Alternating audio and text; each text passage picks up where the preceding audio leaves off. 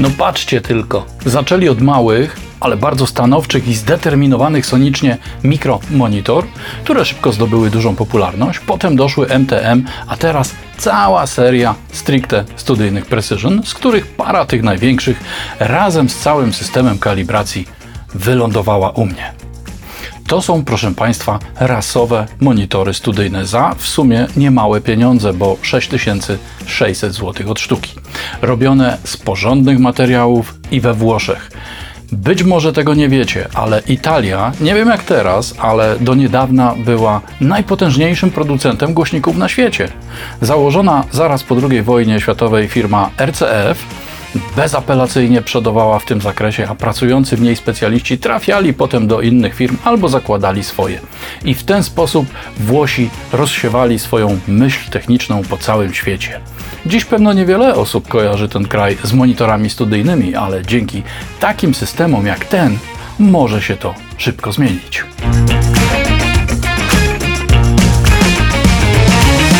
Tomasz Wróblewski, 0db.pl. Twój poziom odniesienia. Co tydzień znajdziesz tu nowe testy, porady i prezentacje z zakresu produkcji muzycznej i pro audio. Invitare. Precision MTM to zestawy w pełni cyfrowe. Wprawdzie można cały czas uważać, że tylko rozwiązania analogowe, takie na piechotę, na elementach dyskretnych, liniowych zasilaczach, wzmacniaczach AB, a nawet na pasywnych zwrotnicach, pozwolą dać Ci tę jakość, ale są po prostu nieekonomiczne. Przede wszystkim zbyt drogie w produkcji, a jeszcze droższe w fazie projektowania i dopracowywania szczegółów. Ponadto ich brzmienie będzie miało niewielki margines na ewentualną jego korektę. I tu cyfra wygrywa. Jest tańsza, elastyczna, funkcjonalna i zabójczo skuteczna w realizowaniu powierzonych jej zadań. Wraz z monitorami otrzymamy mikrofon pomiarowy MEMS, będący częścią systemu kalibracji ARC, a także po cztery podstawki izolujące obudowy od podłoża. Elementem systemu jest także bezpłatny program X-Monitor, służący nie tylko do kalibracji odsłuchu w ramach naszego wnętrza, ale też obsługi presetów i emulacji. Przyjrzyjmy się konstrukcji tych ciekawych monitorów. Są one oparte na tzw. Tak konfiguracji Dapolito czy też MTM z dwoma midwooferami, między którymi znajduje się przetwornik wysokich tonów. Głośniki to produkty IK Multimedia. Pięciocalowy woofer ma ferytowy magnes, papierową, powlekaną membranę w dość miękkim zawieszeniu, wytłaczany stalowy kosz oraz wentylowany karkas półtora calowej cewki. Membrana wzmacniana jest kopułką przeciwpyłową, będącą też elementem chłodzenia napędu poprzez otwór w strukturze magnetycznej. Półtora calowa kopułka wykonana z materiału współpracuje z krótkim falowodem. Wyposażono ją w aluminiowy, wentylowany karkas o średnicy 1,4 cala. Konwersja analogowo-cyfrowa i cyfrowo-analogowa odbywa się w oparciu o pracujące 24-bitowo przetworniki Burr Brown z serii PCM, a cyfrowe serce systemu stanowi mikroprocesor NXP typu RT1061 osadzony na rdzeniu ARM Cortex M7. Wzmacniacze mocy to stare, dobre i sprawdzone w boju IRS 2092 z tranzystorami MOSFET jako elementami wykonawczymi. Zasilacz jest impulsowy, przystosowany do pracy z napięciami sieciowymi od 90 do 240 V. Obudowa wykonana jest z płyty MDF z dwoma wzmocnieniami w środku oraz wytłumieniem z pianki akustycznej.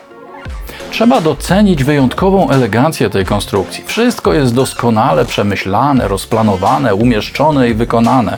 Uwierzcie mi, to prawdziwa perełka wśród monitorów. Z podobną klasą konstrukcji można się spotkać tylko w najdroższych systemach i to też nie wszystkich. Wyjście USB pozwala na komunikację monitorów z programem X-Monitor.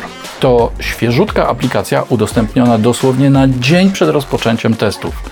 Trzeba zarejestrować monitory za pomocą IK Multimedia Manager, potem wśród posiadanego sprzętu odnaleźć iLoud MTM, kliknąć Software i pobrać program instalacyjny. Tyle tylko, że na tym się kończy. Trzeba więc przejść do preferencji, znaleźć ścieżkę dostępu do folderu Download, użyć jej w stosowanym menadżerze plików i dopiero wtedy uruchomić znajdujący się tam program instalacyjny. X-Monitor jest bezużyteczny, jeśli do komputera nie podłączymy obu monitorów przez USB. Ponieważ na ogół tych portów nie mamy w nadmiarze, więc trzeba będzie skorzystać z jakiegoś koncentratora USB. Dopiero wtedy mamy do dyspozycji całą potęgę systemu kalibracji ARC, na bazie którego pracuje X-Monitor. Rzecz cała działa tak. Za pośrednictwem monitorów generujemy serię specjalnych sygnałów testowych, które są odbierane przez mikrofon MEMS stojący w miejscu, w którym zazwyczaj będzie się znajdowała nasza głowa. System analizuje to, co zmierzył mikrofon, a następnie tworzy krzywą korekcji, która ma kompensować ewentualne nierównomierności poziomów poszczególnych pasm w miejscu odsłuchu. Końcowy efekt ma zatem zapewnić liniową reprodukcję dokładnie w tym miejscu, w którym siedzimy. Takie rozwiązanie ma spore szanse powodzenia, ale trzeba pamiętać o kilku rzeczach.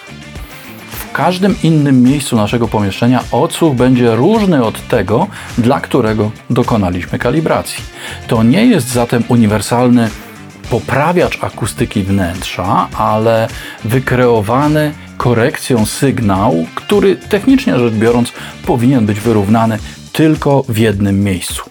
Ponadto, o ile pod względem amplitudy poszczególnych częstotliwości charakterystyka może się wydawać poprawna, to przecież nie zmieniamy w naszym pomieszczeniu nic, co wpłynęłoby na obecność rezonansów oraz czas ich wybrzmiewania. Po prostu te częstotliwości, które w miejscu odsłuchu były głośniejsze, są ściszane, a te, które były cichsze, są wzmacniane. Jest wielu zadowolonych użytkowników tego typu systemów, więc nie będę nikogo do nich zniechęcał, ale docelowo powinniśmy dążyć do opanowania równomierności reprodukcji, głównie w zakresie niskich tonów, przez adaptację akustyczną oraz eksperymenty z rozmieszczeniem monitorów i miejsca odsłuchu. Wtedy taka kalibracja jak IK Multimedia ARC ma szansę zaprezentować się jeszcze efektywniej. Zobaczmy, jak wygląda procedura kalibracji obu monitorów przy użyciu mikrofonu wchodzącego w skład zestawu, czyli mikrofonu MEMS. Najpierw ustawiamy go w takiej pozycji, w jakiej nakaże nam oprogramowanie. Aktywujemy funkcję calibration i system będzie nas prowadził przez wszystkie kroki zmierzające do tego, aby uzyskać optymalną charakterystykę. Należy ustawić mikrofon na takiej wysokości, na jakiej zazwyczaj trzymamy głowę, na wysokości uszu. To w tym wypadku będzie trochę wyżej. Jakoś tak, w położeniu poziomym. Aplikacja, jeszcze pokażę, że mikrofon otrzymuje zasilanie, czyli jest gotowy do pomiaru. Jego bramka została mm, otworzona. Aplikacja nakazuje nam pomiar, dokonanie pomiaru w czterech punktach. Dzięki temu tworzymy swego rodzaju optymalną charakterystykę przetwarzania dla takiego obszaru wyznaczonego przez kwadrat, którego kolejnych wierzchołkach będziemy dokonywać pomiarów. Po kliknięciu należy odejść od systemu pomiarowego. Następuje seria pomiarów testowych. System analizuje pobrane dane i nakazuje nam przestawienie mikrofonu w punkt numer 2 i dokonujemy jego pomiaru.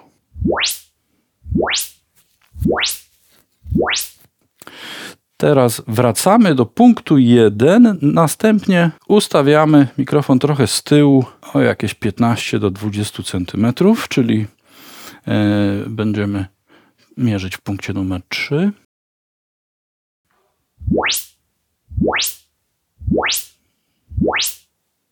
Ok, i ostatni pomiar w punkcie numer 4.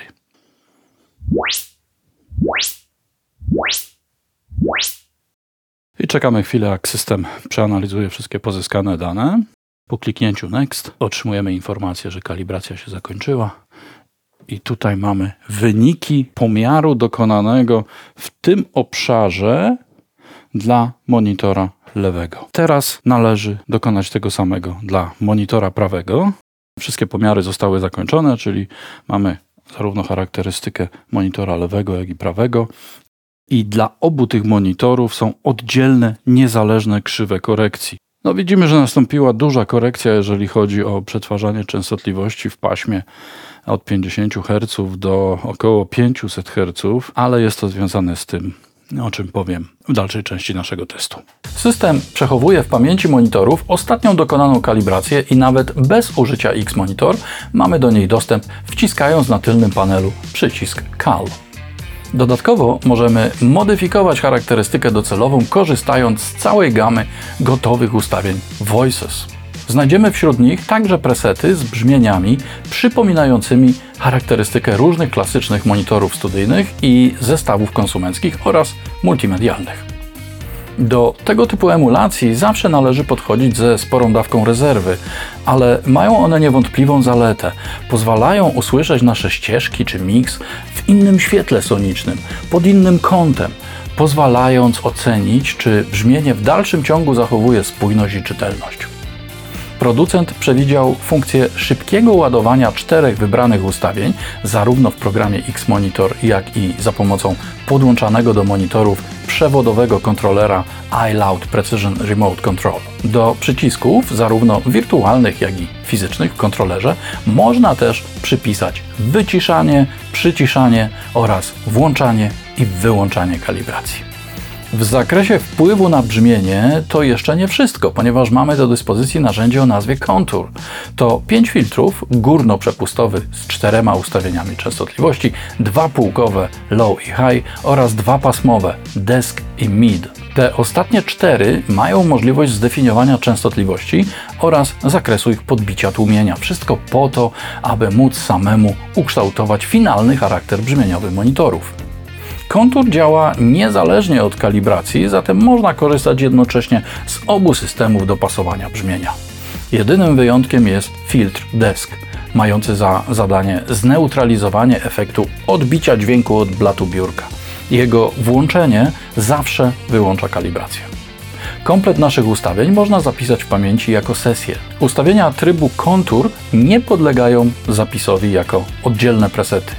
Każda własna krzywa korekcji funkcjonuje w pamięci monitora jako ustawienie custom tak długo, jak długo nie wprowadzimy zmian ustawień kontur. Aktywność i głębokość działania poszczególnych filtrów można też ustawić za pomocą przycisków na tylnym panelu monitorów. Tu też znajdziemy gniazdo XLR przeznaczone wyłącznie do podłączenia mikrofonu kalibracyjnego. Jest regulator czułości z wyczuwalnym punktem wartości nominalnej i gniazda dla kontrolera zdalnego sterowania. Jak widać, płaszczyzn, na których możemy zmieniać charakter brzmieniowy monitorów jest sporo. Od automatycznej kalibracji poprzez mm, emulację brzmienia różnych rodzajów odsłuchu na wielopasmowej regulacji ręcznej kończąc. Czy nie jest tego wszystkiego za dużo? Mm, z presetów emulacji zapewne będziemy korzystać dość często, ale z filtracji ręcznej już znacznie rzadziej. Co nie zmienia faktu, że lepiej jest mieć niż nie mieć, a wszystko to wpisuje się w całą filozofię iLoud Precision MTM. Gdy pierwszy raz je podłączyłem, to natychmiast doszedłem do wniosku, że wszystkiego jest w nich za dużo. Basu, środka, góry. Brzmienie było piękne, efektowne, głębokie i niesamowicie żywe, ale ta jego ponadnaturalna uroda po prostu przesłoniła wszystko inne. Wspaniale się tego słuchało, ale bardzo trudno było z tym pracować. Mm, dźwięk był jak obraz w telewizorze na wystawie sklepowej z ekstremalnym kontrastem, nasyceniem, głębią kolorów i jaskrawością, taki hiperrealistyczny. Dla potrzeb efektywnej pracy z iLoud Precision MTM należy ten monitor potraktować jak syntezator subtraktywny. Jego dźwięk trzeba po prostu przyciąć tu i tam, żeby wpasował się w akceptowane przez nas ramy soniczne. I rzeczywiście, już po samej kalibracji ten początkowo przesadnie rozpasany dźwięk nabrał ogłady i stał się zdecydowanie bardziej cywilizowany, nie gubiąc jednak swojego uroku w zakresie możliwości reprodukcji. Popatrzmy na charakterystyki.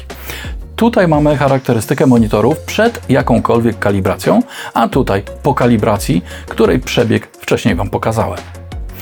Widać wyraźnie, że nastąpiło głębokie dopasowanie dla kluczowego zakresu 100-400 Hz oraz odcięcie najniższych częstotliwości już poniżej 68 Hz. Towarzyszy temu stłumienie pasma od 2 do 10 kHz i wyraźne wyeksponowanie 16 kg i wyżej. Czego to dowodzi? Kalibracja najwyraźniej uwzględniła odbicie dźwięku od biurka, a owo cięcie w najniższym paśmie to z całą pewnością efekt pomiaru, który wskazał na niebywałą wręcz ekspozycję wszystkiego poniżej 60 Hz. Mówiąc szczerze, nie brałbym tego ostatniego zbyt poważnie, ale wszystko poza tym ma pełne pokrycie z rzeczywistością. Zobaczmy przy okazji, jak wygląda charakterystyka z uwzględnieniem odchylenia 15, 30 i 45 stopni od osi. Także w kontekście zniekształceń harmonicznych. Tak duże drivery HF poza wysoką sprawnością i szerokim pasmem przetwarzania będą też miały tendencję do większych zniekształceń w obszarze do kilkunastu stopni w odchyleniu od osi i tutaj to dość wyraźnie widać. Poziom drugiej i trzeciej harmonicznej wzrasta o około 6 dB przy odchylaniu 15 stopni od osi, podczas gdy przy każdym innym kącie jest w miarę zbliżony. Ale to i tak znakomite parametry, zważywszy na to, że driver zaczyna grać już od 1,4 kg, pełnię efektywności osiągając oktawę wyżej. Przy tym konkretnym pomiarze nie należy brać pod uwagę zniekształceń, ponieważ znacząco wzrastają wobec bliskiej odległości mikrofonu względem przetwornika, nie oddając rzeczywistości. Tutaj prawdziwy będzie tylko pomiar z dystansu. Jednocześnie widać też powód nieco konturowego brzmienia bez kalibracji, wynikający z dość szerokiego pasma przejścia z midwoofera do tweetera. To efekt przesunięcia reprodukcji midwoofera w kierunku zakresu niskich tonów dla uzyskania głębokiego basu. Tu wyraźnie słyszalnego już od 35 Hz, co jest efektem pracy bas refleksu. Sam bas refleks nie jest do końca idealny z silnymi rezonansami dla 520 i 880 Hz, ale nie odciskają one swojego piętna na charakterystyce sumarycznej. Charakterystyka wodospadowa pokazuje wyraźnie, że monitor gra krótko i precyzyjnie, a emulacja zachowania się monitora po zaniknięciu impulsu potwierdza dużą kulturę reprodukcji. Można też dostrzec, że 1,5 calowy Twitter nie jest tak skory do natychmiastowego zaprzestania drgań, co nie powinno dziwić, biorąc pod uwagę lekką konstrukcję jego układu drgającego i brak ferrofluidu w szczelinie magnetycznej. Mam świadomość tego, że wiele osób powie, na co mi te szczegóły techniczne, które i tak mi nic nie mówią. Ja chcę wiedzieć, jak ten monitor gra, do czego jest dobry i czy jest lepszy, czy gorszy. E, swoje opinie staram się opierać na czymś więcej niż tylko wrażenia słuchowe, a taka analiza pozwala mi lepiej zrozumieć intencje konstruktorów, problemy, z którymi musieli się zmierzyć i poznać sposób, w jaki, jeśli w ogóle, je pokonali. Dopiero to daje mi mocną podstawę do oceny monitorów. Jak wspomniałem, na początku ICA Multimedia iLoud Precision MTM no już dłuższej nazwy nie dało się wymyślić, przytłoczyły mnie ogromem swojego brzmienia, w dużej mierze okraszonego wysoką zawartością współczynnika wow ale gdy je przytemperujemy, przy okazji kalibrując je pod kątem relatywnie liniowej reprodukcji w miejscu odsłuchowym, to zabrzmią dokładnie tak jak chcemy. A jeśli będzie taka potrzeba, to z powodzeniem sprawdzą się w roli głównych zestawów do kina domowego, bo jak na filmie na ziemię spadnie helikopter albo statek obcych, to będzie to doskonale słychać i czuć. Tak, są nadwymiarowe sonicznie, ale dają się okiełznać za pomocą DSP i nie, nie będą brzmiały gładko i jedwabiście, bo dziś już większość realizatorów i producentów takich ugładzonych monitorów nie używa. MTM są ekstraordynaryjnie uniwersalne i podejrzewam nawet, że dzięki dostępnym emulacjom mogą zastąpić drugie i trzecie monitory w naszym studiu. Są dość kosztowne, ale wyjątkowo funkcjonalne. Mm, nie widzę ich w roli monitorów dalekiego pola. To raczej pole średnio bliskie.